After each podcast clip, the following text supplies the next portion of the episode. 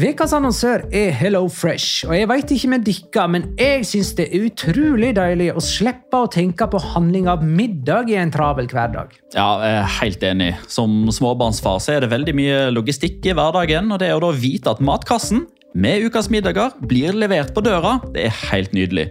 Da slipper du impulskjøp på butikken når blodsukkeret er lavt, og når du kommer hjem, kan du bare ta ut posen med dagens ingredienser fra kjøleskapet og sette i gang matlaginga. Ja, Du kan velge mellom 25 ulike retter hver uke. Og de har faktisk en egen kategori som heter Raskt og enkelt, med masse enkle og gode oppskrifter.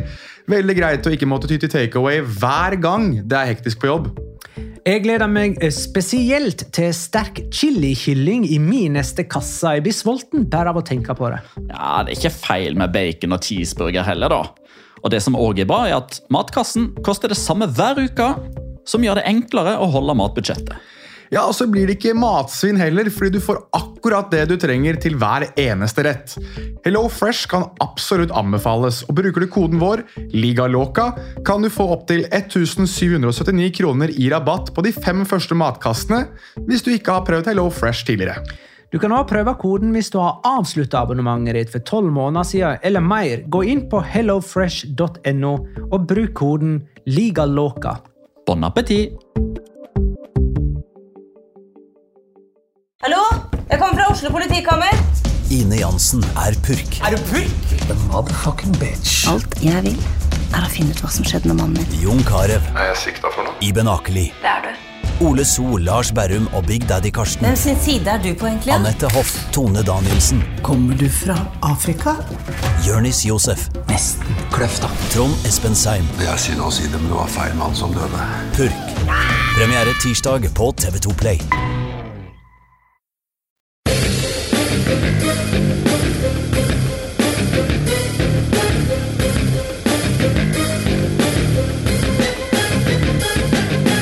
Har du sett? Real Madrid hadde ni strake seire i offisielle oppgjør før de endelig fikk en verdig motstander i form av Osasona, som tok med seg ett poeng fra Santiago Bernabeu.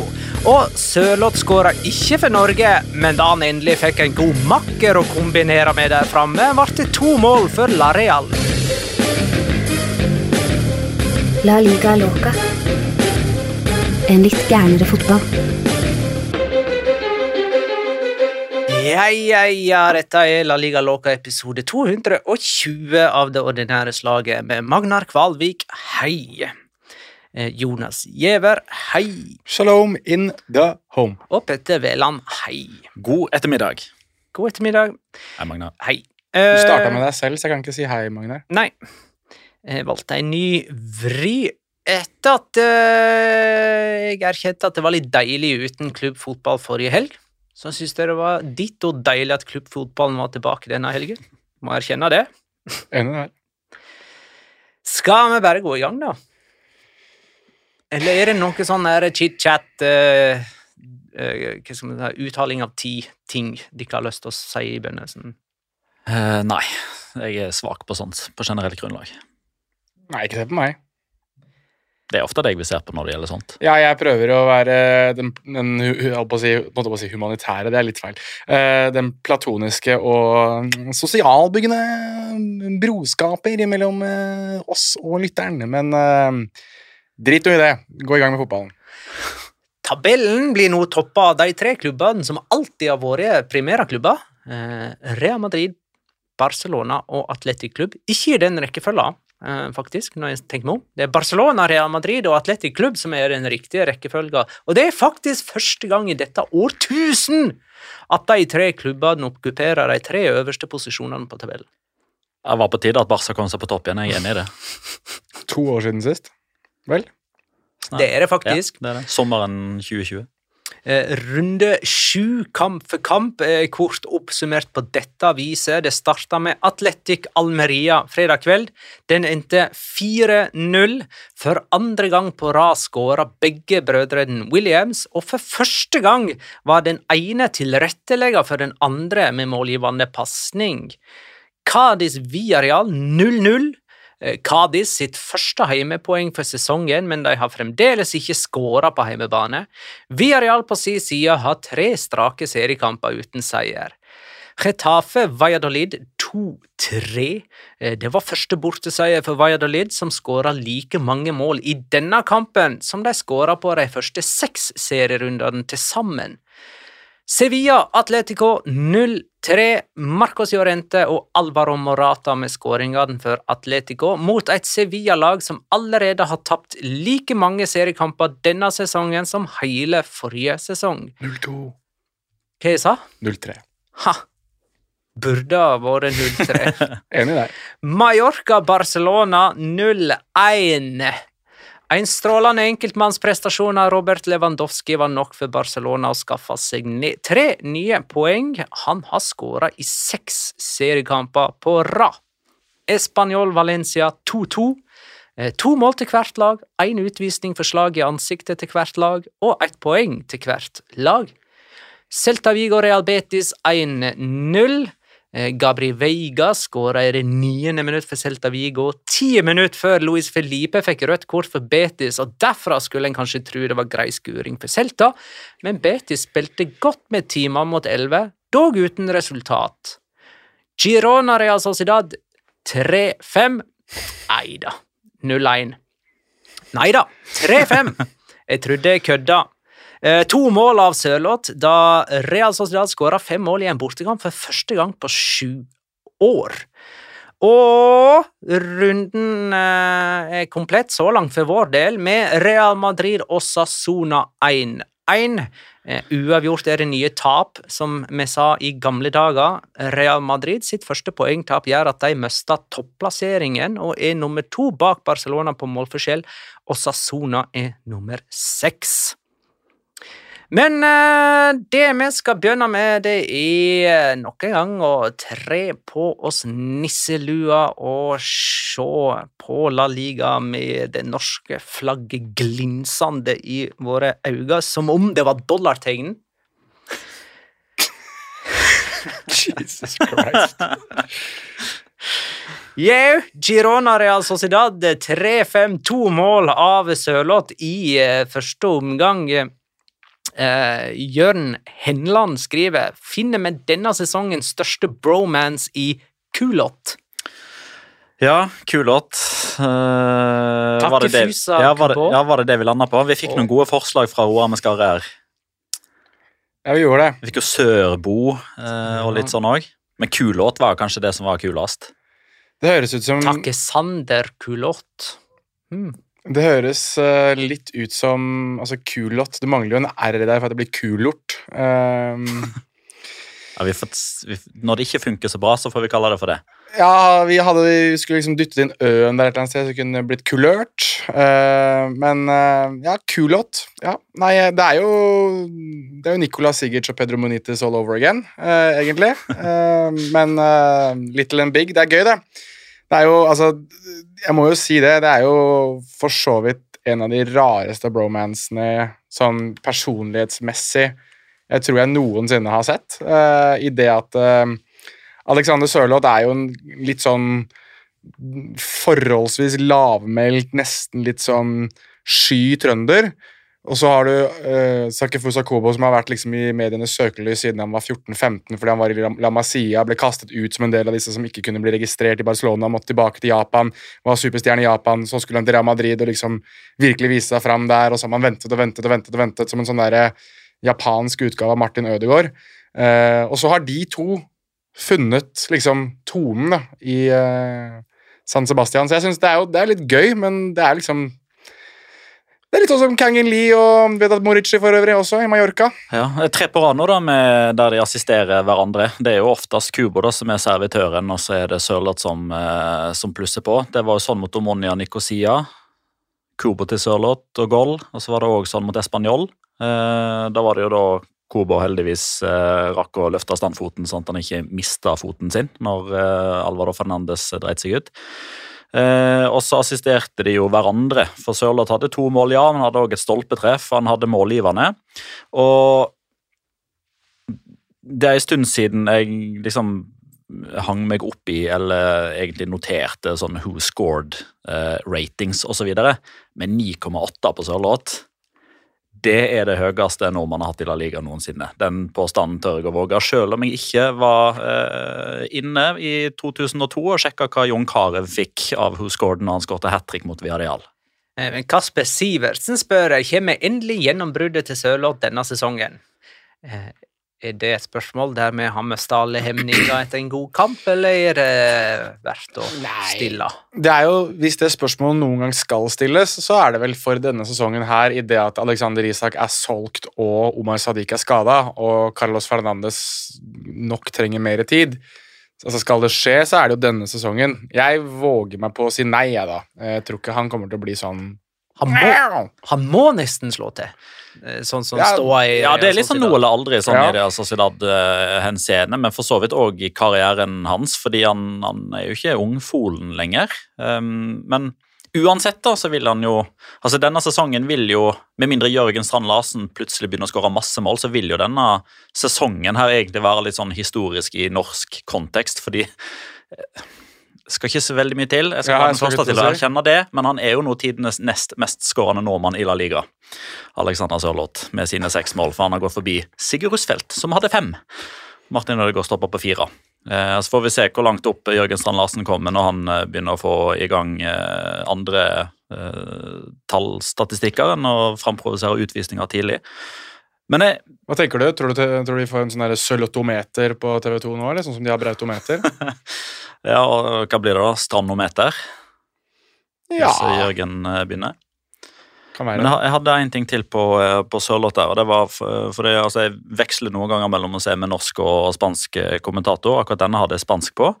Eh, Og det var litt morsomt, fordi det var ganske lenge der etter Breismende sin scoring, var det vel så var det en ganske lang pause der man skulle finne ut om Ain Pacheco var i offside 2, om han var borti eller ikke. Eh, Og da sa kommentatoren noe som egentlig var litt sånn beskrivende for Alexander Sørloth, ref den der dørvaktgreia vi har snakka om, at han kanskje ser litt sånn giddalaus ut av og til, og når han scorer, så jubler han ikke, han bare, bare står der, liksom. Ja, det er jo ikke noe stort, dette. Ja, altså er, han jo sånn at han har jo Det er jo det Lareal-supporterne påpeker, at hver gang det skal kjeftes rundt dommeren, Ja. så er han veldig på det å dytte vekk motstandere. liksom sånn, Vekk, vekk, vekk, vekk, Ja, ja. vekk. Han er dørvakt, liksom. Dørvakt, det, Ja, var- ja. det var det litt det samme når eh, da Martin Subimendi skåra. Da hadde han den dørvakten bare sånn Nei, du skal ikke forbi her. Ja, ja.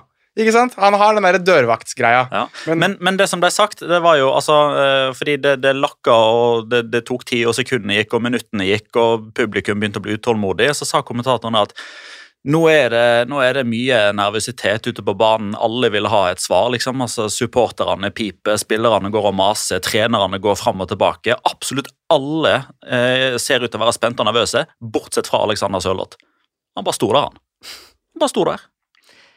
Um, følge opp eh, et spørsmål fra Jørn Henland igjen. I den eh, samme tweeten der han eh, hadde den kulott-tingen sin. Hvor mange kamper må Real Sociedad vinne med mer enn 1-0 for at påstanden til Che Guevara, dvs. Si altså Jonas Giæver, blir motbevist? Eh, jeg kan jo nevne at for første gang siden 2002 så har uh, La Real skåra i alle sine første sju seriekamper. Eh, de siste fire kampene de har spilt, har endt enten 2-1 eller 5-3. Uh, Ja. hvor, hvor lenge skal vi Skal den der 0-0, 0-1, 1-0 hefte ved dem? Nei, altså, jeg vet ikke hvor lenge den skal hefte ved dem, men uh, det jeg kan si, er at eh, samtlige lyttere av La Liga Loca og samtlige mennesker som liker spansk fotball, har meg å takke for at det er verdt å se La Real-kamper. Dette her er jeg jinxa for alle sammen. Vær så fuckings god. Nyt hver eneste La Real-kamp nå framover, for det kommer til å bli mål. Mye mål. Forhåpentligvis masse mål. Og så blir det 1-0 eller 0-0 eller 1-0, 1-0, 1-0 de neste kampene. Altså, jeg tipper den målrike trenden fortsetter nå til uka, og da har de Sheriff Tiraspol. Men Real Sociedad Villarreal på søndag Det er klink 1-0. 0-0, 1-0. Ja, hvem skårer det, da? Så låt. Ok, ja, greit. Det er faktisk tippkampen vår, eh, det. Ja, da Der har har dere min allerede. 1-0 Sørloth. Et tips kan òg være Breis Mendes som målskårer. Han har skåra i tre seriekamper på rad og har like mange mål denne sesongen som hele forrige. Uh, Real Sociedad hadde fem skudd på mål i denne kampen, og alle gikk inn. Expected goals i denne kampen her. Til sammen 3,08. Ja, Ja, for eh, eh, hvis vi skal nevne Girona-spillere her, så er jo Rikelme eh, verdt å eh, framheve. den skulle jeg nevne.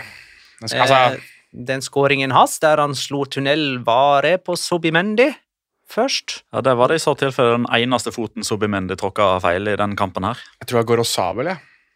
Han slo tunnel på en eh, Real Sociedad-spiller og fyrte av et skudd fra utenfor 16 meter opp i krysset. Det forplikter jo, da.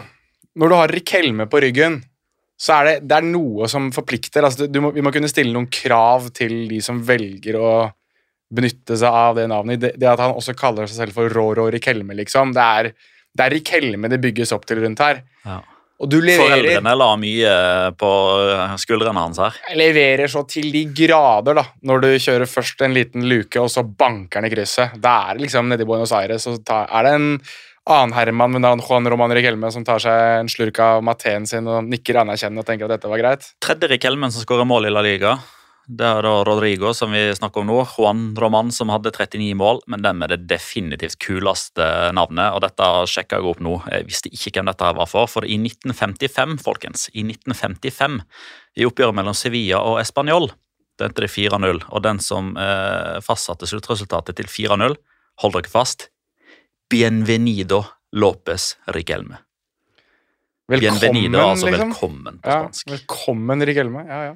Ha med en rundenspiller fra dette oppgjøret. Ja, det var ikke mannen som kun satt én fot feil, og det var når kanskje ble slått tunnel på, altså Martin Sobimendi. Men eh, vi, eh, vi kjører jo eh, ikke kulåt, men kubjeller. Og så kjører vi Alexander Sørloth som rundens spiller. Vi benytter selvfølgelig den muligheten når vi har den.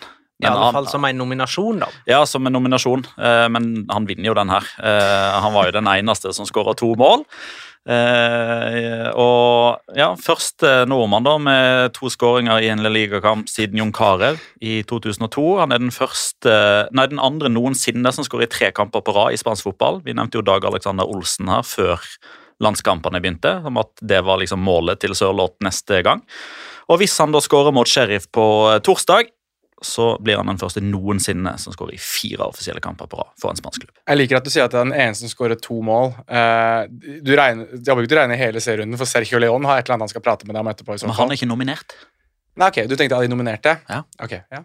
Vi går, vi, spoiler alert, Sergio León er ikke nominert. Nei, det er han ikke. Dere valgte annerledes. Ha med en Locora fra denne kampen, Jonas.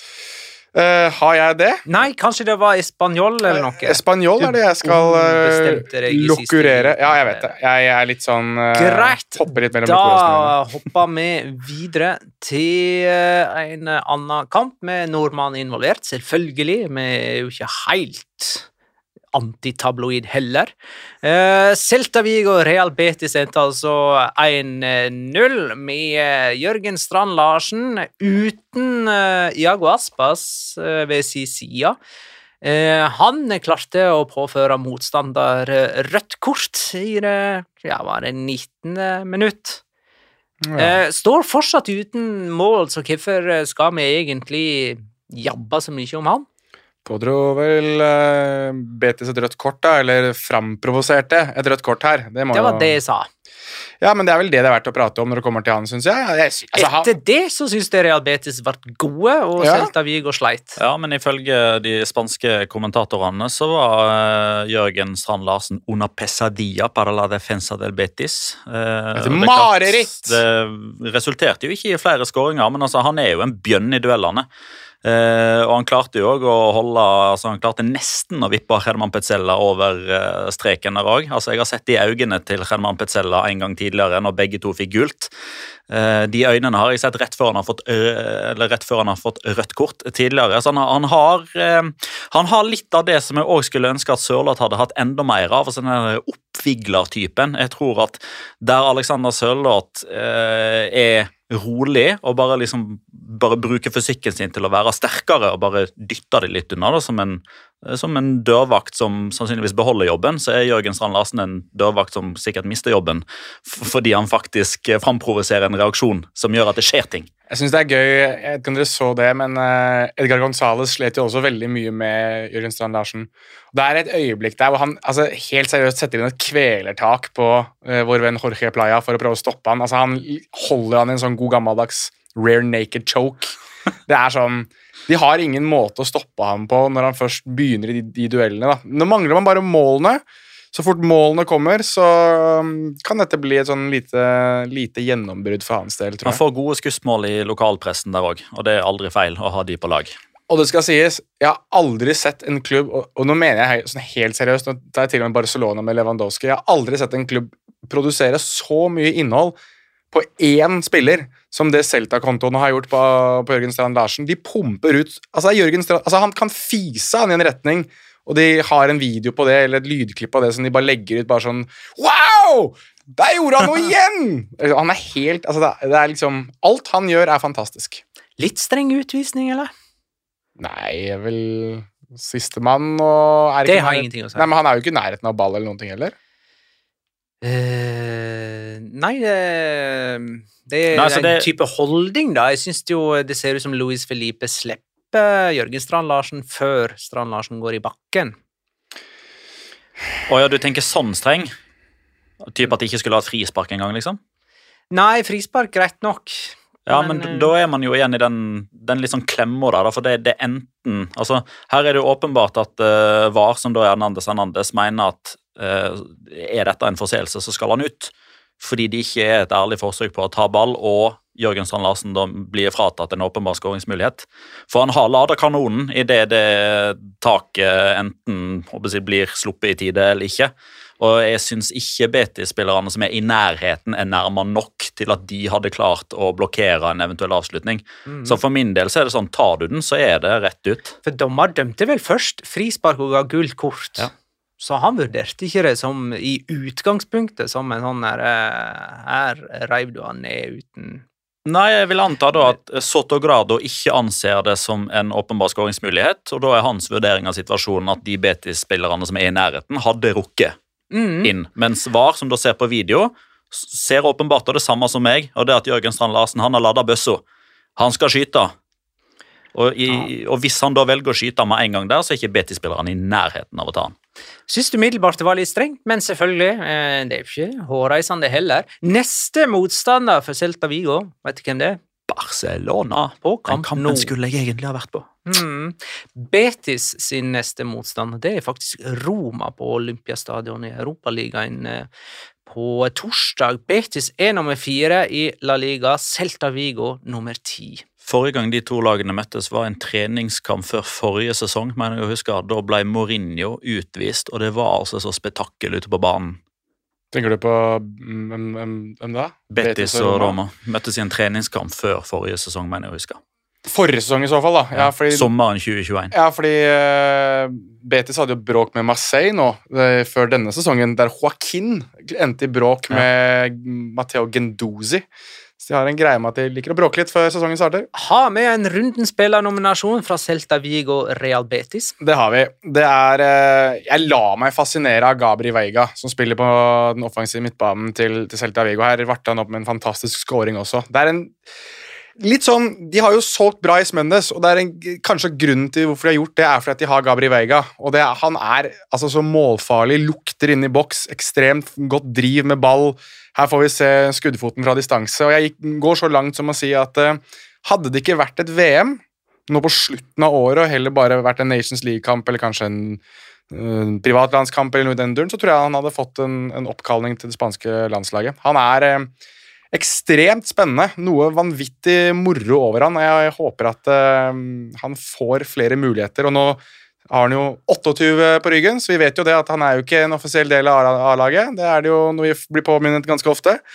Um, Men det hadde vært en historisk begivenhet hvis han hadde blitt tatt ut på Lansen nå. For dette var den første kampen han starta for Celta. ja, men han har kommet inn og er helt enorm hver gang han kommer inn. Ja, jeg bare påpeker at her er det Hvis det er første, hvis det er første gang Dette det, var første gangen han starta. ja, ok, Da må jeg få lov til å være såpass ærlig si Denne det, sesongen han starta en gang for to sesonger siden. ja, jeg, det visste jeg faktisk ikke, at det var første gangen han starta. Men jeg syns likevel at han virker som han har spilt Han er jo søm, glir sømløst inn i alle kampbilder. Skårer mot Atletico òg. Ja, jeg vet. Han er helt sin, sinnssykt god. Gabri Veiga er spillernominasjon nummer to. Det er ganske bra å bli nominert til runden spiller i første starten din, ass. Eh, storkampen denne runden den fant vi på Ramón Sánchez eh, Pijuan, der Sevilla eh, røk på et nytt heimetap mot Atletico Madrid. Eh, det ble altså 0-2 der.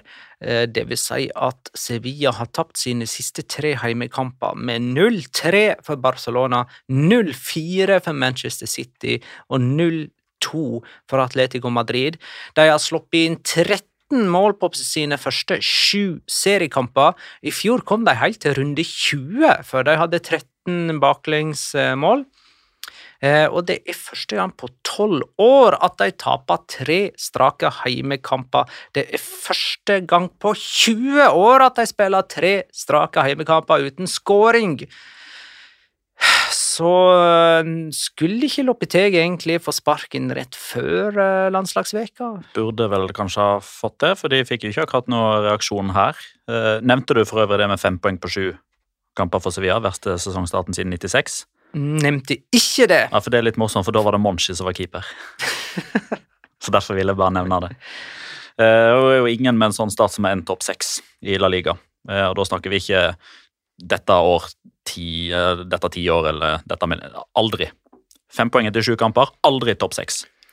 Så det blir jo maks conference, da, om, om den fortsetter. Men det er jo helt Det er grusomt å se på de. Um, og nå virker det jo som at det har kommet altså, For Lopetegi sin del, da, så hadde jeg liksom forsøkt å sette meg i hans posisjon, hans sko. Nå har han vært under konstant press egentlig ganske lenge, siden slutten av forrige sesong, egentlig, for da begynte jo folk å murre. Den sesongavslutninga var, var bedriten, og så ga Monchi han full tillit og sa at her skjer det ingenting, han er vår trener neste sesong, og da ga det seg litt, fordi da, det ga ikke noe mening å sutre over det for de som var kritiske. Men så har de hatt en dårlig sesongstart nå, og så eh, da man liksom ikke klarte å slå Viadial sist, før landskampene, så så man liksom for seg at ja, Han overlever jo ikke den landskampperioden, fordi det er da det er logisk å bytte trener. For da kommer det en ny trener inn som får litt tid på feltet, og så får han en sånn åtte-ni kamper nå før eh, neste landskamper skal i gang. Um, og så tar vi det derifra. Men nå fikk han jo muligheten igjen, da. Om det er fordi man ikke har klart å komme i havn med en eventuelt ny trener, eller om det rett og slett er bare det at han, han skulle få noen flere sjanser, det, det har det ikke kommet eh, gode rapporter ut på. Men Loppetegi nå, da. Han har jo tidenes mulighet til å ikke ha Sevilla-sparking på CV-en sin. Kan han si opp tenker du på? For nå kan han si opp og takke ja til Wolverhampton. Og ja, avhengig av hva slags øyne man ser det på. da. Noen vil kanskje hevde at det er et steg opp å trene Wolverhampton i Premier League kontra Sevilla i La Liga, på bakgrunn av størrelsen på ligaene. Det er derfor jeg sier kommer an på øynene man ser det på. Klubbmessig naturligvis et steg ned. Økonomisk garantert et steg opp, og ikke minst da hans måte å komme seg ut av kaninhullet på. Ja, men ja, Det blir jo mye det samme. da. Nedrykksstrid i La Liga med nedrykksstrid i Premier League. Ja, men det er ikke hans feil ja, Ok, ja, greit. Mm. Ja. Jeg tok det litt seriøst uh, først. Det var derfor jeg hadde lyst til å svare. men... Uh. Men det er bedriten, For Wolverhampton ligger tredje sist i Premier League, og, ja, og Sevilla fjerde sist i La Liga. Ja. Så det, det, blir liksom bare sånn ja, det, det, Same shit, new, new rapping. ja, men det er ikke han som har laga den rappen som han eventuelt kommer til. Det er Bruno Lodge sin eh, feil. I know. Ja, to uh, effektive Atletico Madrid-skåringer, må vi kanskje kalle det her. da. Jeg syns det var litt sånn Atletico of old her, i det at de kynisk, uh, tight, uh, defensivt uh, vinner ballen høyt for den ene skåringa, og så er det en lang ball på andre skåringa. Og det er vel to mange touch er det før, mellom Mateos Cunha og Alvaro Morata på 2-0 der. Det er en stuss fra Morata, og så er det Carmona som ikke klarer å bli kvitt ballen. Cunha som spiller gjennom Morata. Også. Ja, basically. Frekk chip, da. Det skal han ha. Den er, den er frekk. Den er P-H-R-E-K-K. Det er frekk chip. Frekk. Men eh, ja, en annen ting vi også Du snakket i innledningen om at det var gøy liksom å ha eh, klubbfotballen tilbake, og jeg er enig med deg. Det var deilig å ha klubbfotballen tilbake, men jeg er en, den ene tingen jeg kjenner at det, vi kan godt bare være ferdig med nå, er det der helvetes Antoine Griezmann-greiene. For nå var det tilbake igjen. Ja, men vet du hva? Vet du hva? Nei, jeg, ikke, ikke prøv å formilde det her for meg nå. Nei, jeg skal ikke formilde det, Nei, men uh, Det klarer du ikke. Spørsmålet er om han kom inn uh, for tidlig eller ikke. Fordi her blir det faktisk Ja. et definisjonsspørsmål. For, for når uh, Altså, han kom inn, og jeg har det 60. stoppa og sett, han kom inn på banen 59-58. 59-58 Ja, jeg vet det. på banen. I det 60. minutt kommer han inn, så jeg tipper at Nei, det, det er etter minutt 60. ja, nei, Grensa går på 60-0-0. ja vel. Ja, nei, han skulle stått, stått og venta. Det var jo to som skulle byttes ut samtidig der. Ja. Han var den første som gikk på. Det burde han ikke ha gjort. Kanskje. Eh, Men eh, Ole Aasheim, som jo er Atletico-supporter, skriver Dikka syns Atleti var gode i helga. Eh, for det har noen av oss uttalt. Ja, jeg syns det. Du syns, Jonas syns Atleti var gode i helga. Ja, jeg syns Eh, ja, og- mm. Tror vi det har sammenheng med at de endelig har skrinlagt 3-5-2 og gått tilbake til 4-4-2? Jeg vet ikke om jeg skrinlagt det, men de gjorde i hvert fall det i den kampen her, da. Men det er jo fordi at de også hadde uh, Jimenez og Savic vel tilbake, begge to. Så da Mm. det var det som var min lille sånn Ole, du veit hvorfor. Det var fordi Savic var tilbake igjen. Ikke sant? Når du har begge de to tilbake. Og jeg synes at Vet du hva? Jeg, ikke så, jeg var Til å begynne med syns jeg det her eh, Witzel-prosjektet med å ha han som den, midterste, den, sånn den midterste av de tre bak, synes jeg var litt gøy. Litt sånn Han kunne være en sånn dyp playmaker. Men han var jo enda bedre når de flytta han litt, litt mer eh, fram i banen, syns jeg. Han spilte midtbane nå. Midtbane nå. Jeg syns han var god. Mm. Um, Men var ikke Atletico gode? Eller i alle fall sånn De vant nå fullt fortjent. Ja, de har, Men så ja, i spilte alle de mot Sevilla, altså. Mye bedre enn Sevilla. Jo, men altså, det, det virker som at her var liksom bare planen Planen var nok altså, jeg, jeg tror Diego Simione, og det sa han etter kampen òg, at han, han forventa at dette her var et revansjelysten Sevilla som ville ut og dominere og få publikum på sin side og skape entusiasme. Eh, og da er egentlig det eneste rette å gjøre, det er å være litt sånn avventende og forsøke å stå av et eventuelt stormløp som det viste seg aldri kom. Og så nei vel, ok, nei, men vi får ta ballen og skåre, da. Og så bare trygger vi oss litt, og så ser vi om de har noe å komme med. Og så har de ikke noe å komme Nei, men da skårer vi 2-0, da, og så er liksom kampen vår. De gjorde det de måtte, og ikke noe mer. Eh, Alexander Larsen vil at vi skal gi han 554 sekunder om Kåke, eller med Kåke-hyllest. Og det er litt mange sekunder, syns jeg. Det er nemlig like mange sekunder som KK har spilt antall eller, kamper for Atletico. Eh, og med det så er han mest mm. spillende Atletico-spiller i historien. mm. Og det er jo tommel opp det. Ja. Veldig bra. 554, det er vel antall bokstaver han har i det fulle navnet sitt, tror jeg. Eh, Marcos Llorente, dette blir siste punktet fra denne kampen. Marcos Llorente hadde ikke skåra på 17 måneder, faktisk, siden mai 2021. Ja, den der Marcos Jurente-hypen, den kom og gikk. ja. Men, eh, men nå er han tilbake. Ja, ja, ja. La oss nå eh, se på uh, topp tre, uh, og begynne med nummer tre, som er Atletic Club. De slo altså Almeria med 4-0. De har fem seire på sine siste seks nå, Atletic. Eh, De har ikke starta en sesong med så mange poeng etter sju seriekamper siden 1956, sier Pedrito Numeros. Um, de har, de har vunnet tre kamper på rad og skåra minst tre mål i samtlige. Altså, det er jo bare Barcelona og Real Madrid som skårer mer enn eh, Atletic. Jeg føler, jeg føler liksom at uh, Eduardo Berizzo og Gaisca Garitano skylder oss en unnskyldning. altså. Fordi at det er ikke så veldig mye Slik det gjerne er med Atletic Club, så er det jo veldig få endringer i, i laget. Ja, Nico Williams har kommet opp, og Jan Sansett osv. Jeg er enig i at det er noen som har kommet fram. Men det er den ene endringa som vi identifiserte veldig tidlig i La Liga Loca denne sesongen. her. Han har bare én som bjeffer sentralt på midten. Da de to alltid kjørte i to, det var Dani Garcia og Vesca eller Vencedor. Nå er det bare én av de. Ja, for så vidt. Det er jo veldig gøy at, uh, at uh, Ernesto Valverde for så vidt har skjønt at du trenger ikke mer enn bare den ene, men jeg syns det er litt interessant at det er det eneste som, som er egentlig den markante endringen i et lag der spillerne så Altså, Oscar De Marco spiller fortsatt høyreback på det laget her. Ja, Og nå er han plutselig god. Nå er han tilbake i 2011. Ikke sant? Altså, Lekwe også starta vel den kampen her. Ikke sant? Det, det er ikke så veldig mye endring i den troppen her. Det har ikke vært det de siste 5, 6, 7, 8, 9, 10, 11, 12, 13, 14, 15 åra, virker det som. ikke sant? Så det er um, altså, Iker Monyain har, jo, har jo vært 24 år de siste 1000 åra, liksom. Det er, de blir jo ikke eldre. Det er det samme laget som har vært der hele tiden, men nå er det gøy! Ja. Men eh, jeg hørte Jeg lurer på om det var eh, han um, Terry Gibson, var det han som sa det? I den derre L Tell John, eller hva det heter. Det vet du bedre enn meg. Jo da.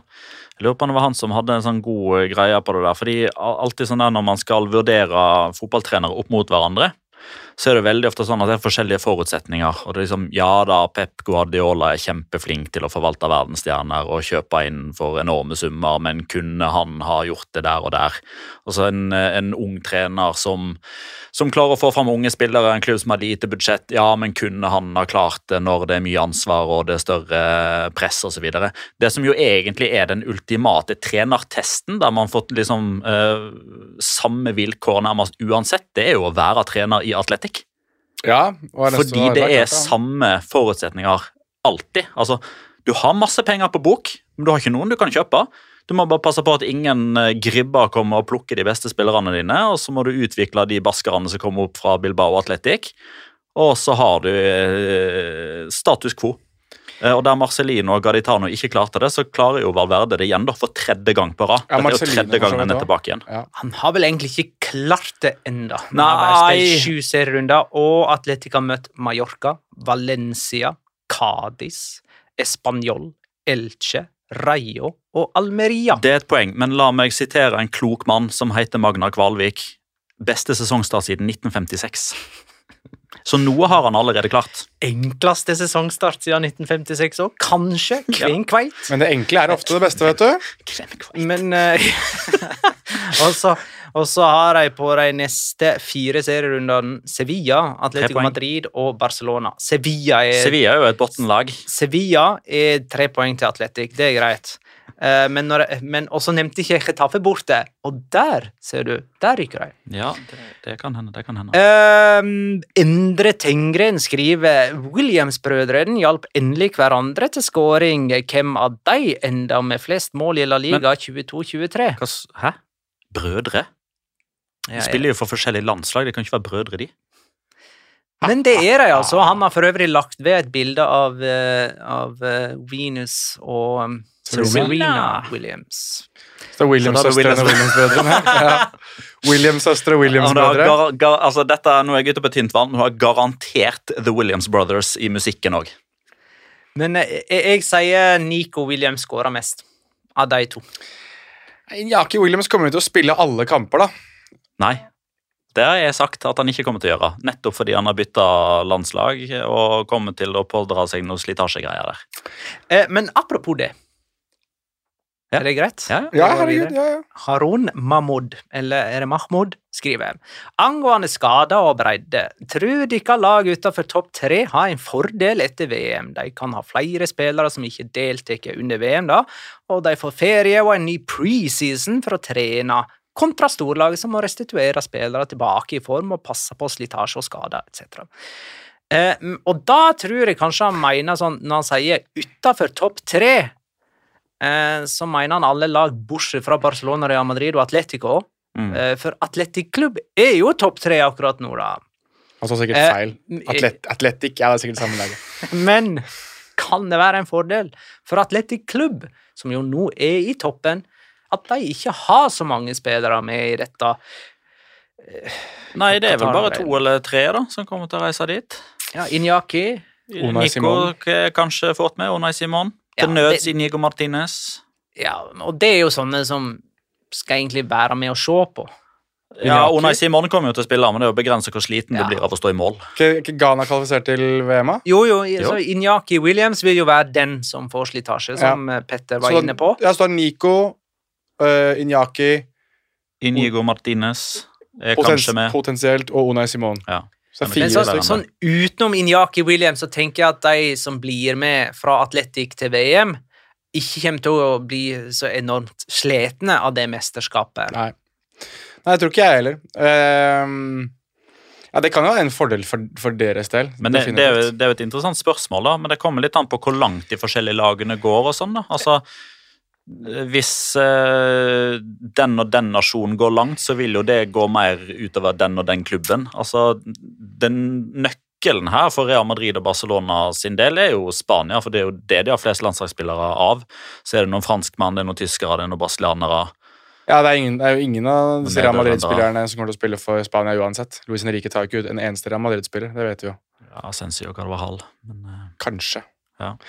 Um, men ja, nei, altså jeg tenker, det er jo litt gøy, for det her er jo det store narrativet. Uh, hvis du er eksempel spiller for ta en klubb ut av ræva her, altså Celta Vigo, så er du ute av kampform, altså du mister kamprytme. Hvis du er Erling Braut Haaland, så får du hvile. Uh, så det, det kommer litt an på hvilket narrativ du ønsker å benytte deg av, men jeg tror fort at uh, Altså, selvfølgelig, Det sa vi jo også i covid-sesongen, at hvis det er en sesong der det skal være noe sjukt som skjer, så er det nå. Det er jo litt som nå òg, da. At det, det, VM Altså det at det er noe helt og koronasesongen så vant ikke Real Madrid eller Barcelona-sesongen. Nei, men det gjør Atletico Madrid. Ja, men det var jo tredje valget, da. ja, ok. Ja, Greit. Eh, Men bare en rask eh, betraktning til der, da, med tanke på om det er bra for eh, Eller om det eventuelt er ulemper for eh, typ Real Madrid og Barcelona at de andre lagene får hvile og en ny preseason. Ikke nødvendigvis, for når du da ser på hva som har skjedd i Bundesliga de siste ti sesongene, der i alle fall sju, jeg tror kanskje åtte av de, har hatt denne vinterpausen, det har ikke gagna de noe særlig sammenligna med Bayern München, i alle fall. Skal vi se, vi har faktisk en runden spillernominasjon fra Atletic Almeria, og man skulle kanskje tro det var en av brødrene Williams, men det er ikke det. Det er nemlig en vi ikke har nevnt, tror jeg. Oyan Sanset, som jeg eh, etterlyste, kan du si, i begynnelsen eller før sesongen. Kan dette bli en eh, sesong der han blomstrer? Og svaret er ja! Nå har han i likhet med Nico Williams skåra i tre seriekamper på rad. Han er elegant som eh, fy. Altså, han er, han er en sånn høy spiller som man kanskje ikke forbinder med eleganse, men han er elegant. Eh, ligger ganske dypt på midtbanen, men har gode offensive bidrag. Dette ser ut til å være sesongen der han etablerer seg for Atletic. I en alder av 22 har han starta i alle sju seriekamper nå. Han starta bare 16 forrige sesong. Eh, en eh, opplagt rundenspillernominasjon for min del. Nå skjønner jeg hvorfor du eh, skulle påpeke at Gabri Vega bare har starta én kamp når liksom Oyan Sanset er den som er motstander. For det er jo, de har jo litt samme rolle, litt samme posisjon, de to. Det Ja, er jo, nå var det for så vidt Petter som uh, påpeka det med ja, Dere to, da kan dere slutte å ødelegge Ja. min runde spillernominasjon. Jeg er enig i at han skal på tredjeplass, men jeg er fortsatt vombråten og forbanna over at dere skal påpeke at Gabri Vega bare starta én kamp. Bare vent dere! Han spiller på landslaget for Oyan Sanset. Vi har da gjort unna nummer tre på tabellen. Den må du notere. Hva for noe? Jeg var så klar for å gå videre nå at jeg bare luka Ja, nei, ut. men du må notere det, for det er en sånn påstand som du må skrive ja, ned. hva det var han sa? Det var at Gabriel Veiga spiller landskamper for Spania før Oyhan Sanset. Ja, det kan jeg prøve å notere. Eh, nå har vi gjort unna lag nummer tre på tabellen. Vi går til lag nummer to. Eh, det var Real Madrid, som spilte 1-1 mot Osasona på Santiago Bernabeu. Faen, nå ble det Og her. Det var ikke ufortjent at Osasona fikk med seg et poeng. Nei. Altså, Tenk om Chimi Avila hadde spilt den kampen, så hadde de hatt en som kunne avslutte angrepet da. Ja, men da hadde det òg blitt redusert til ti mann før de blei. Så Ja vel. nei da. Vi skulle hatt gode gamle Chimi her, altså. Det, de de mangla et eller annet, de gjorde det. Men eh, det står respekt av det. Nå skal jeg slippe til Jonas eh, snart, så skal han få si det han pleier å si om Jagoba Adasate. Men han har en eh, litt sånn eh, De begynner å bli ikke giant killers, men giant wounders. Eh, altså De tar ofte poeng fra Barcelona og Real Madrid, og de holdt på å kneble Atletico Madrid forrige sesong òg. De, de er liksom en av de som har mest sånn klar eh, måte å spille fotball på. altså Gjenkjennelige, da. Altså det er klart Du har Mallorca, de gjør én ting. altså De setter opp fem mann bak, og så er det tre mann som løper på midten, og så er det lykke til. Kangin og Murici slår langt og håper at noe skjer. Eh, og så har du Barcelona, selvfølgelig, og så har du ja, Real Madrid, som jo selvfølgelig òg har en. En, eh, ja, og ikke minst, da, som vi kommer tilbake til, den som kanskje er aller mest ekstrem, Villarreal. Men Osasona har òg altså, Og så er jeg ikke den typen som eh, alltid snakker om gode gamle dager og ting var bedre før og fuck moderne fotball og alt dette her. På ingen måte. De kan få lov til å spille med hva slags type fotballsko. De trenger ikke være svarte for min del. Men Osasona de stiller altså til start med nummer 1, 2, 3, 4, 5, 6, 7 og 8 i denne kampen. her. Hadde ikke Jimmy Avila vært suspendert, så hadde òg nummer 9 vært på banen fra start. Vi begynner å nærme oss en historisk 1 til helvete. Altså. Nå må bare Roberto Torres og Kike Barca skjerpe seg på trening, og så får vi det til. Hva gikk gale for Real Madrid her, da? Modric. Ja, det er nå én ting. Jeg syns, jeg syns bare de så litt slitne ut. Altså, jeg så, det, det, Første omgang så bare Det var, det var noe Det var seigt, liksom. Det kan godt være at det var Luka Modric, at det, alt sammen ser så mye bedre ut med Luka Modric, for så vidt, men jeg syns bare det virka litt sånn seigt. At altså, pasningskombinasjonene satt ikke. Eh, Venezia Junior fikk liksom ikke den der plassen og posisjonen han pleier å ha ut på kant. Benzema så liksom ikke ut som han hadde touchen helt. Det var liksom jeg, jeg, tror det var José Felix Diaz som sa det at Real Madrid spiller fotball i slow motion. Uh, Lubin kan tweeta det underveis i kampen, og jeg satt litt med samme følelsen. At det bare Det satt liksom ikke. Nei. Han ble bra pakka inn av Nacho Vidal her, Benicius. Det skal sies.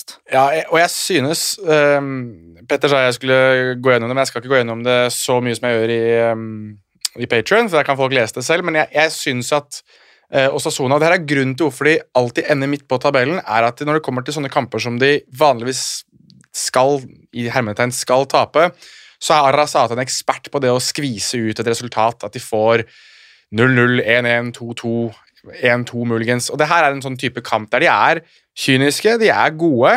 Og så synes jeg rett og slett at de, de presser Real Madrid veldig ut av alle mulige ting de prøver på. Og så jeg syns, jeg syns dette her er et poeng vunnet av Osasona mer enn noe annet. Så jeg var veldig imponert. Men jeg, men jeg vil ta én ting som jeg bare har lagt merke til, og som jeg så i den kampen her igjen nå, som jeg, syns, jeg begynner å bli litt sånn Det her kommer til å plage han gjennom hele karrieren hans hvis han ikke slutter med det her snart. Og det er Venezia Junior. Nå er han i gang igjen. Og det har ingenting med dansinga hans å gjøre. All, alle tingene der syns jeg er fantastisk. Men når øh, David Garcia blir utvist, så står han og veiver med armen og får han av banen og står liksom og er veldig sånn du kan legge, altså Hvorfor gjør du det? Altså Det man gjør til syvende og sist, er jo at man, man, vekker jo sikkert en reaksjon fra motstanderen som kommer til å klippe han ned.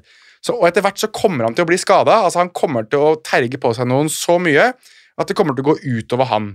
Og jeg, jeg elsker Venezia Junior. Jeg synes Han er fantastisk å se på. Jeg elsker karakteren og jeg ønsker driblingene hans og skåringene. Altså, han er jo helt sensasjonell. Men problemet med han er at han gjør seg selv til et stort mål nå for motstandere ved ting som det der, som rett og slett ikke er verdt å bedrive på en fotballbane. Da. Mm. For alt som er bra, så må man legge vekk uh, de tingene der. Eh, det er første gang siden 1999 at Real Madrid slipper inn i alle sine første sju seriekamper. Og Opp gjennom året så har Real Madrid fått 14 straffespark mot Osasona og bomma på åtte av dem alle Benzema, eller bare de tre siste? bare de tre siste, vel, på Benzema. I alle fall de tre siste på ja. Benzema. Uff. Ja, vil du Din keeperhelt uh, har jo Altså, Han kan legge opp med en ganske bra sånn straffestatistikk mot Benzema. Når Benzema vinner Ballon d'Or, og kidsa han sitter liksom og Å, Benzema er best i verden! Så kan han liksom slå i bord med at ja, tre strake straffer. Ikke sant? Spise opp grønnsakene dine, guttunge. Mm, for Sergio Herrera skal selvfølgelig krediteres Benzema sitt straffebom i tverrligger. Monsteret på streken der, selvfølgelig. Han uh, ja, Dette er min uh, locora. Ah.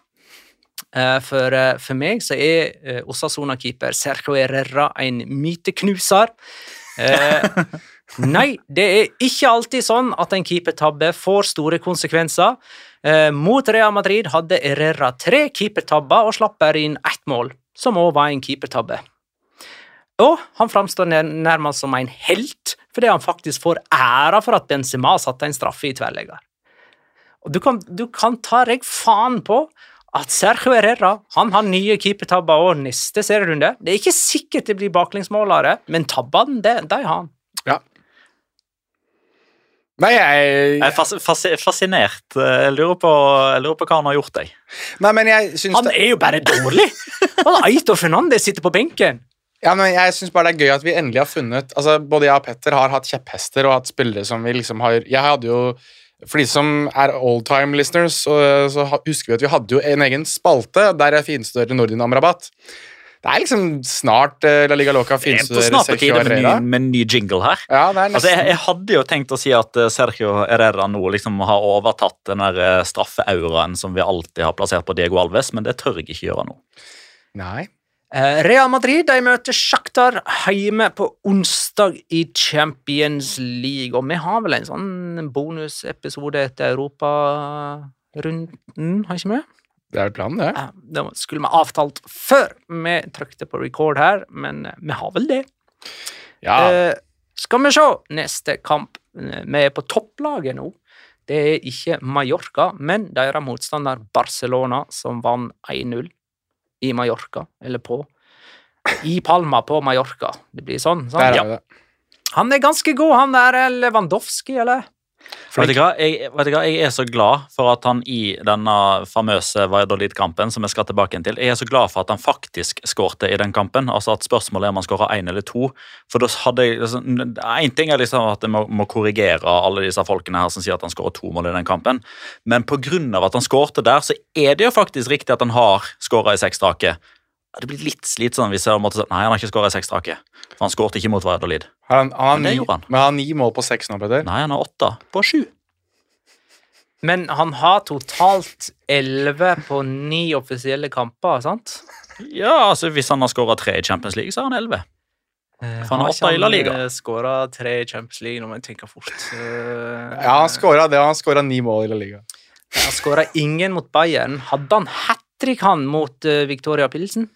Mot Victoria Ja. Pilsen så vant de 5-1, og Lewandowski skåra tre. Så han har ni mål Nei, elleve mål Ja. på sine første ni offisielle kamper. Ja. Eh, og det er like mange som Barcelona skåra på sine første ni offisielle kamper forrige sesong, uten Ja. Lewandowski. Ja. Mm. Så en litt bedre start i år, med riktige spillere på plass. Barcelona har fem seriekamper på rad uten baklengs òg, og møter Inter i Milano på tirsdag. Eh, Den er viktig, etter at de tapte mot eh, Bayern. Eh, Og Pedri han blir hvila hver gang det er mindre enn ei uke til en storkamp. Mm. Det er lurt, det. Det er lurt. Det er første gang på 91 serierunder at Barcelona topper Primera. Er de der for å bli, eller? Kan godt hende de bytter på plass med Real Madrid et par anledninger, men jeg har eh, sa i sesongoppkjøringsepisoden vår at uh, de vinner ligaen. Altså jeg, de, når det er spilt 38 serierunder, så kan alle som har sitt hjerte i Catalonia eh, da åpenbart ikke Cornea, men eh, Camp Nou, eh, kan glede seg og fryde seg over at eh, Barcelona blir seriemester. Jeg håper at eh, Real Madrid og Barcelona tar like mange poeng mot Retafe og Celta Vigo den serien som kommer nå. Altså at begge vinner, begge spiller og begge taper. For da kommer det faktisk eh, dødt løp inn til El Clásico. Det er alltid gøy. Ja, det er bare to uker til El Clásico, eh, Mhm. folkens. Mm Eh, Hvem var det som skrev at det er litt artig at det er en eh, Jo, det er Svein T. Solås. Litt artig at eneste som har skåra på Barcelona i La Liga denne sesongen, er Newcastle-spiller Alexander Isak. Ja. ja. Jo, jo. Det er jo en kuriosa, det. Uh, skal vi hoppe videre til Bare en, neste en, kamp? en liten ting som er litt morsomt. Det, Mallorca har ikke holdt nullen mot Barcelona siden 2002. Han som sto i mål da, han skulle jo egentlig ikke stått i mål, han. For det var Carlos Roa som la opp ja, ja, ja. seint i 1999 fordi han var overbevist om at verden skulle gå under. Han var god òg, han. Han var det. Han tok jo ikke helt feil. da. Verden er ikke akkurat like bra som den var i 1999. Nei, du kan jo på sett og vis si at uh, Snart får han rett, liksom. Gikk under, ja. Mm. Uh, jo, jo, men at uh, Ja, at eh, det begynte liksom i 2001 med terroren i New York, og siden så har det bare gått nedover. Ja. Eh, Du tar jo ikke feil, det er det, hva er det kjipe, egentlig? Español Valencia 2-2. Før du, før du skal begynne her Hvis du hater Sergio Herrera, så lurer jeg på hva du tenker for noe om Alvor og Fernandes i målet til Spanjol. Eh, Kanskje ikke lang nok track record ennå. og han holder ikke en bedre keeper på, be eh, på benken. Ja, Da lurer jeg på hvem som er backup-keeperen til Spanjol. Ja, det var jo Benjamin Lecomte som ble utvist mot Real Madrid, og så har vi aldri sett han siden. Og vi hadde faktisk ikke sett han før heller, for han satt på benken 38 ganger for Jan Oblak sesongen før. ja. Her var det 2-1 til Spanjol før Valencia utligna i det femte overtidsminuttet. På en klarering! Var det årets keepertabbe det der? Altså, For, eh, Foreløpig ser er det det.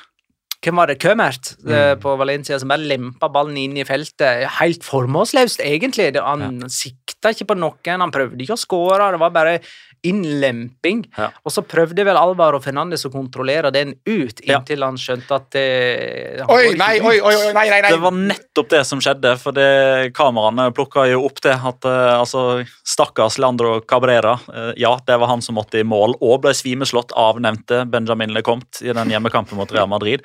Han står jo og skjønner ikke hva som skjer. Han bare står og ser på Alvaro Fernandes og tenker sikkert hvem har betalt deg for å gjøre det der? Hva i helvete er det her? Og da sier Alvaro Fernandes sorry, jeg trodde han gikk utenfor. Eh, Valencia har skåra tolv mål, eh, og de har kommet av elleve ulike spillere. Castillejo er eneste mann med mer enn én skåring, og Chris Robin Eriksen eh, skriver at fortsetter det sånn, så blir det vel liksom da de ble ligamester i 03-04.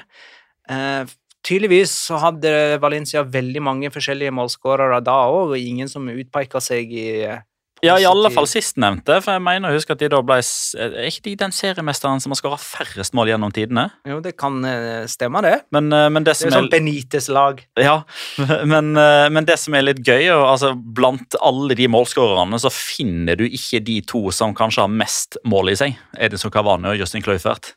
De har ikke skåra ennå.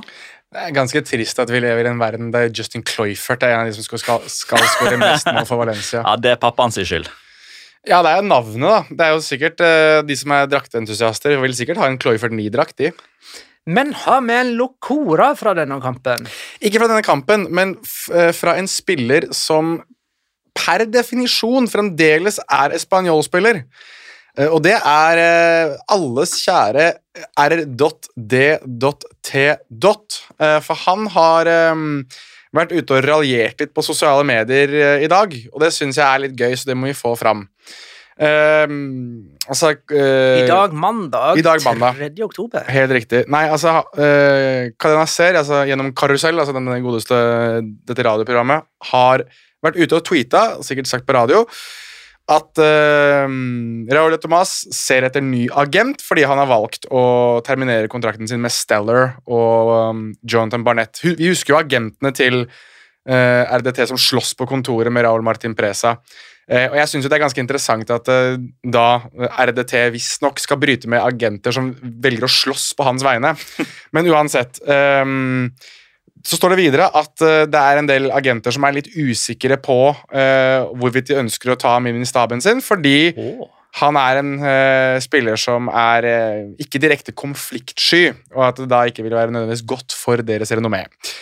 Så går det litt tid, og så er Raúl Thomas på Twitter selv og svarer da Karusell, hvor han skriver Dette er fullstendig falsk informasjon. Jeg ser ikke etter agent. Så, altså han, han sier ikke hvorvidt han ser etter en ny agent eller har brutt.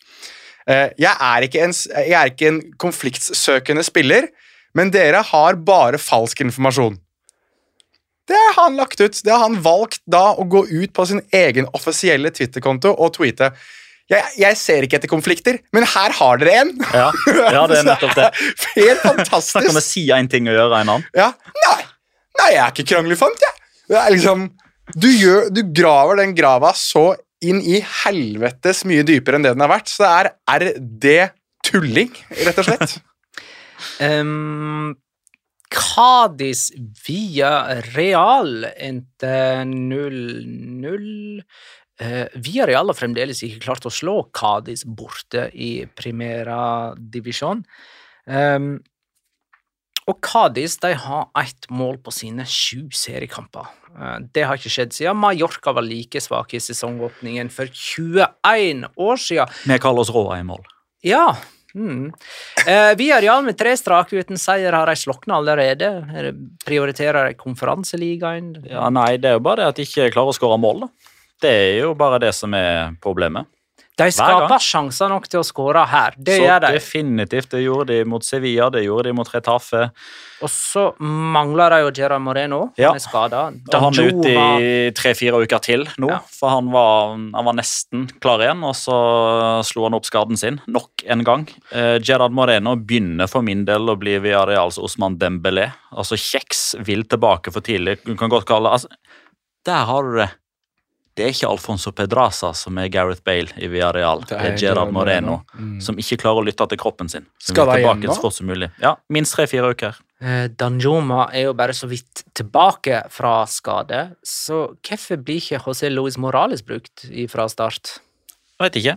Det er et uh, Altså Men det, det er jo litt sånn, han, han kom jo litt i en sånn kinkig situasjon, godeste Unai Emeri. For ja, spisser og angripere lever av å, å skåre mål. Men liksom, hovedansvaret der det har ligget, og det ligger fortsatt på Gerard Moreno. Man, man flytter ikke det ansvaret, eller man blir ikke andre spillertyper i løpet av et par uker bare fordi eh, Moreno er ute med skade. Men, men det som er problemet, er at når Gerard Moreno blir ute med skade, så er det ingen som har det der naturlige målskårergreiene i seg. Og det som, så, det som er så frustrerende å se på, og nå tar jeg supporterbrillene på meg, det er å se et lag som spiller så god fotball, som har en så altså, vanvittig klar spillestil, som er markant bedre enn nesten alle lagene de møter, kamp inn og kamp ut. Og så har det ikke noe å si om det er Samuel Chukwese, Nicholas Jackson, José Luis Morales, eh, Arnaut Danjuma det har, det har ikke noe å si hvem som får muligheten, det er bare at de, de klarer bare ikke å sette den ballen i mål. Og jeg sa det litt sånn på tull, men det er snev av sannheter òg, det som jeg skrev i, i Discord. Hadde vi Areal fått eh, overbevist Edinson Cavani om at det var gult papir han skulle skrive under på, ikke svart og hvitt, så hadde vi Areal vært bortimot serieleder. Men det er ikke de. De Det er er, nummer åtte på tabellen. Så mener jeg at eh, Edison Cavani hadde betydd syv posisjoner høyere. Det hadde i alle fall betydd en goal mot Retafe og Cádiz og Sevilla. Det er seks poeng pluss, det.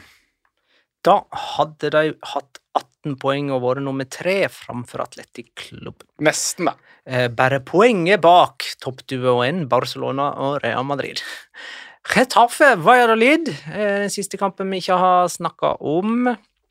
Jeg veit ikke om jeg har nevnt det, men Rayo Vallecano Elche den har vi altså ikke fått eh, sett til denne innspillingen. Jan Berg-derbyet, Ja. som det òg kalles. Godt eh, poeng.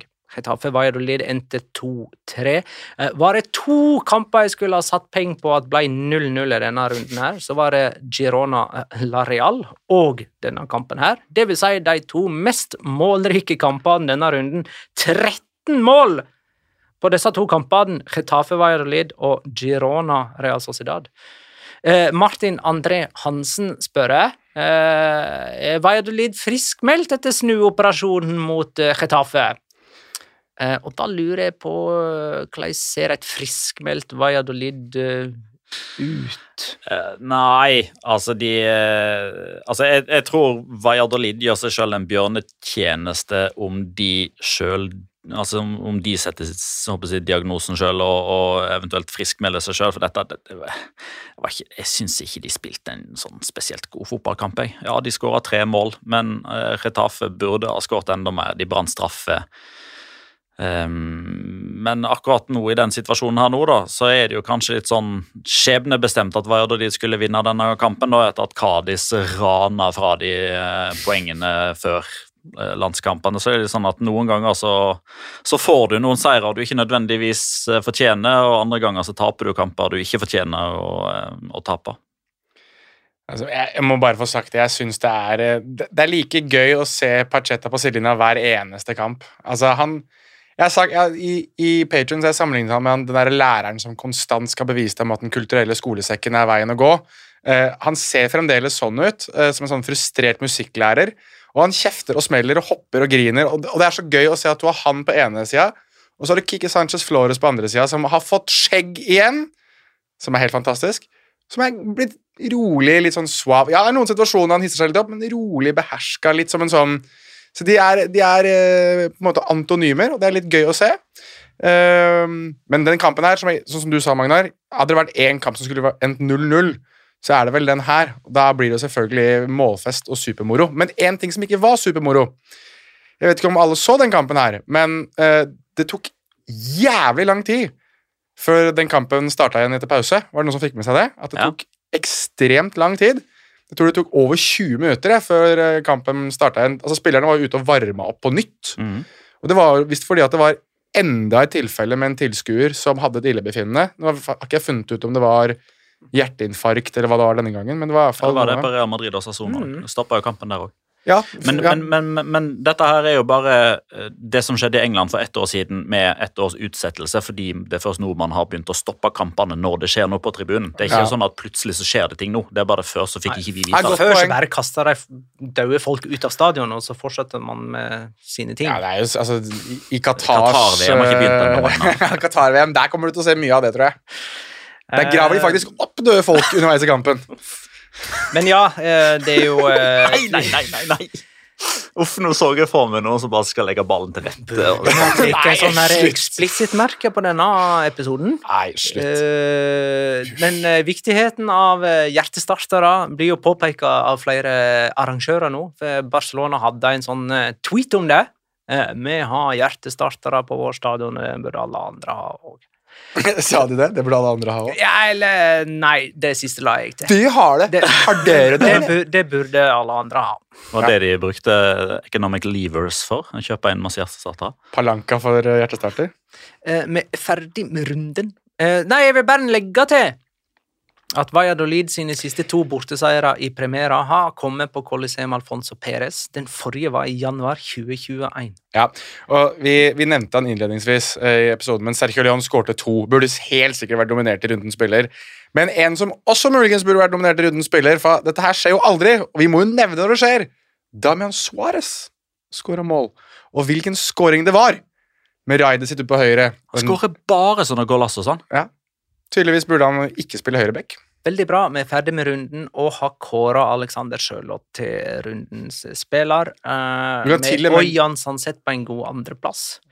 Og Gabi Veiga Bare vent, du. på tredje. Bare vent, du. Han spiller for Spania. Ha med en Locora, Petter! og Ja! på. Vi har det. Altså, da skal vi ned et hakk. Eh, og dette er jo bare en fortsettelse av en betraktning vi hadde eh, da vi så vidt nevnte Segunda i forrige episode. Eh, og ja Du hadde en eh, sånn føljetong, Jonas, med G-A-R-A-N-T-E-R-T, E som ble ropt ut i forbindelse med diverse ting. Det har jo Burgos eh, i Segunda virkelig lagt sin elsk på, for de slipper ikke inn mål, de. Garantert! Åtte kamper Aha, det har blitt din greie, det her nå, og ja. målforskjell etter åtte kamper for Burgos 2-0. De har vunnet to kamper 1-0, og så har de spilt 0-0 seks ganger. Deriblant de siste fire. Og hvem var det de møtte denne gangen som ikke klarte å skåre mål? Det var B-laget til Villarreal. Aha, ja, men det er jo Men Burgos er jo laget der Micho er sportsdirektør, er ikke det? Det stemmer. Han var jo ute og tulla på um, Vi er inne på radio igjen. Han var jo på radio nå i går i dag, i går i dag, enten eller, for å snakke om Erling Braut Haaland. Som sa at uh, hvis Haaland ville komme til Spania, så kunne han signere for Burgos, fordi at de har en regel med at de, de trenger ikke å registrere spillere under 23 i A-lagstroppen, så han kan komme inn som B-lagsspiller hvis han ønsker det. Da fant uh, draktnummeret som er høyere enn 26, da. Ja, gjør det. Ja. Det er, er det, det er det som er regelen, er det ikke det? Ja, jeg tror det. Jeg Jeg mener- mener, jeg har hørt det. Mener jeg har hørt det et par ganger. 22 avslutninger har havna mellom stengene for Burgos. José Antonio Caro, vi må jo nevne navnet til keeperen, har stoppa alle 22. Vi Karo, skal, vi skal tippe. Eh, forrige kamp vi tippa på, var Sevilla mot Atletico Madrid, som endte 0-2, med Marcos Llorente som første målskårer. Petter hadde 0-0, og dermed ingen målskårer. Jeg hadde 1-2 med Grismann som første målskårer, og Jonas hadde 1-1 med Morata som første målskårer. Så jeg får ett poeng denne runden for å ha riktig vinner, i det minste. Totalt da har Petter ni poeng, jeg har ni poeng, og Jonas har fire poeng. Og neste kamp er altså Real Sociedad mot Villarreal søndag klokka 18.30. Petter? Jeg lurer på, Har allerede tippa. han har tippa allerede 1-0 til uh, Lareal. Sørlåt. Sørloth. Kan vi snart begynne å tippe på målskårer nummer to? Fordi jeg begynner å bli drittlei av at uh, den jeg tipper som første, alltid skårer det andre målet. Hvis det er en lytter som er såpass klin hakke gæren, uh, og det er, vi har sikkert én som er det Please, prøv å høre hvor mange ganger jeg har tippet første målskårer, og det endte opp med å bli andre målskårer i de kampene jeg har tippa. Det skulle ikke være en dedikert lytter for å gå gjennom det der. Noen gjør det. Um, Chris Robin Eriksen, jeg ser på deg. deg. tippa altså 1-0 til Real Sociedad over Villarreal eh, med Sørloth som førstemålsskårer. Jeg tippa 2-1 med Breis Mende som førstemålsskårer, og Jonas Ja, da, vi er real, eh, ja, mm. Nei, altså Er det noen gang det skal bli det resultatet det skal bli, så er det den kampen Ja, kampen det med avstand til mikken. Mhm, hvis du skal gjøre. Slapp helt av, du. Det blir 0-0. Garantert! 0-0 og ingen må skåre. Da er jeg ferdig snakka. Minne om eh, bonus på Patrion eh, denne veka, der vi summerer opp spanske lags efforts i eh, Europa. Kommer Frio i Fuego, kommer Skråblikk. Begge er på vei. Når serierunden er over. Hørtes ut som spørsmål. I så fall så er svaret ja. Svaret er ja, fordi jeg vet hvem som skriver dem, og det er meg på begge to. Så det, det ordner vi. Og så er det. Patreon.com slash lalligaloca. Discord-tilgang. Er det også mulig å få seg der? Der er det jo, Nå er det kok igjen, nå som jeg ser fotball på ny. Takk for at dere lytta, kjære lytter. Ha det, da.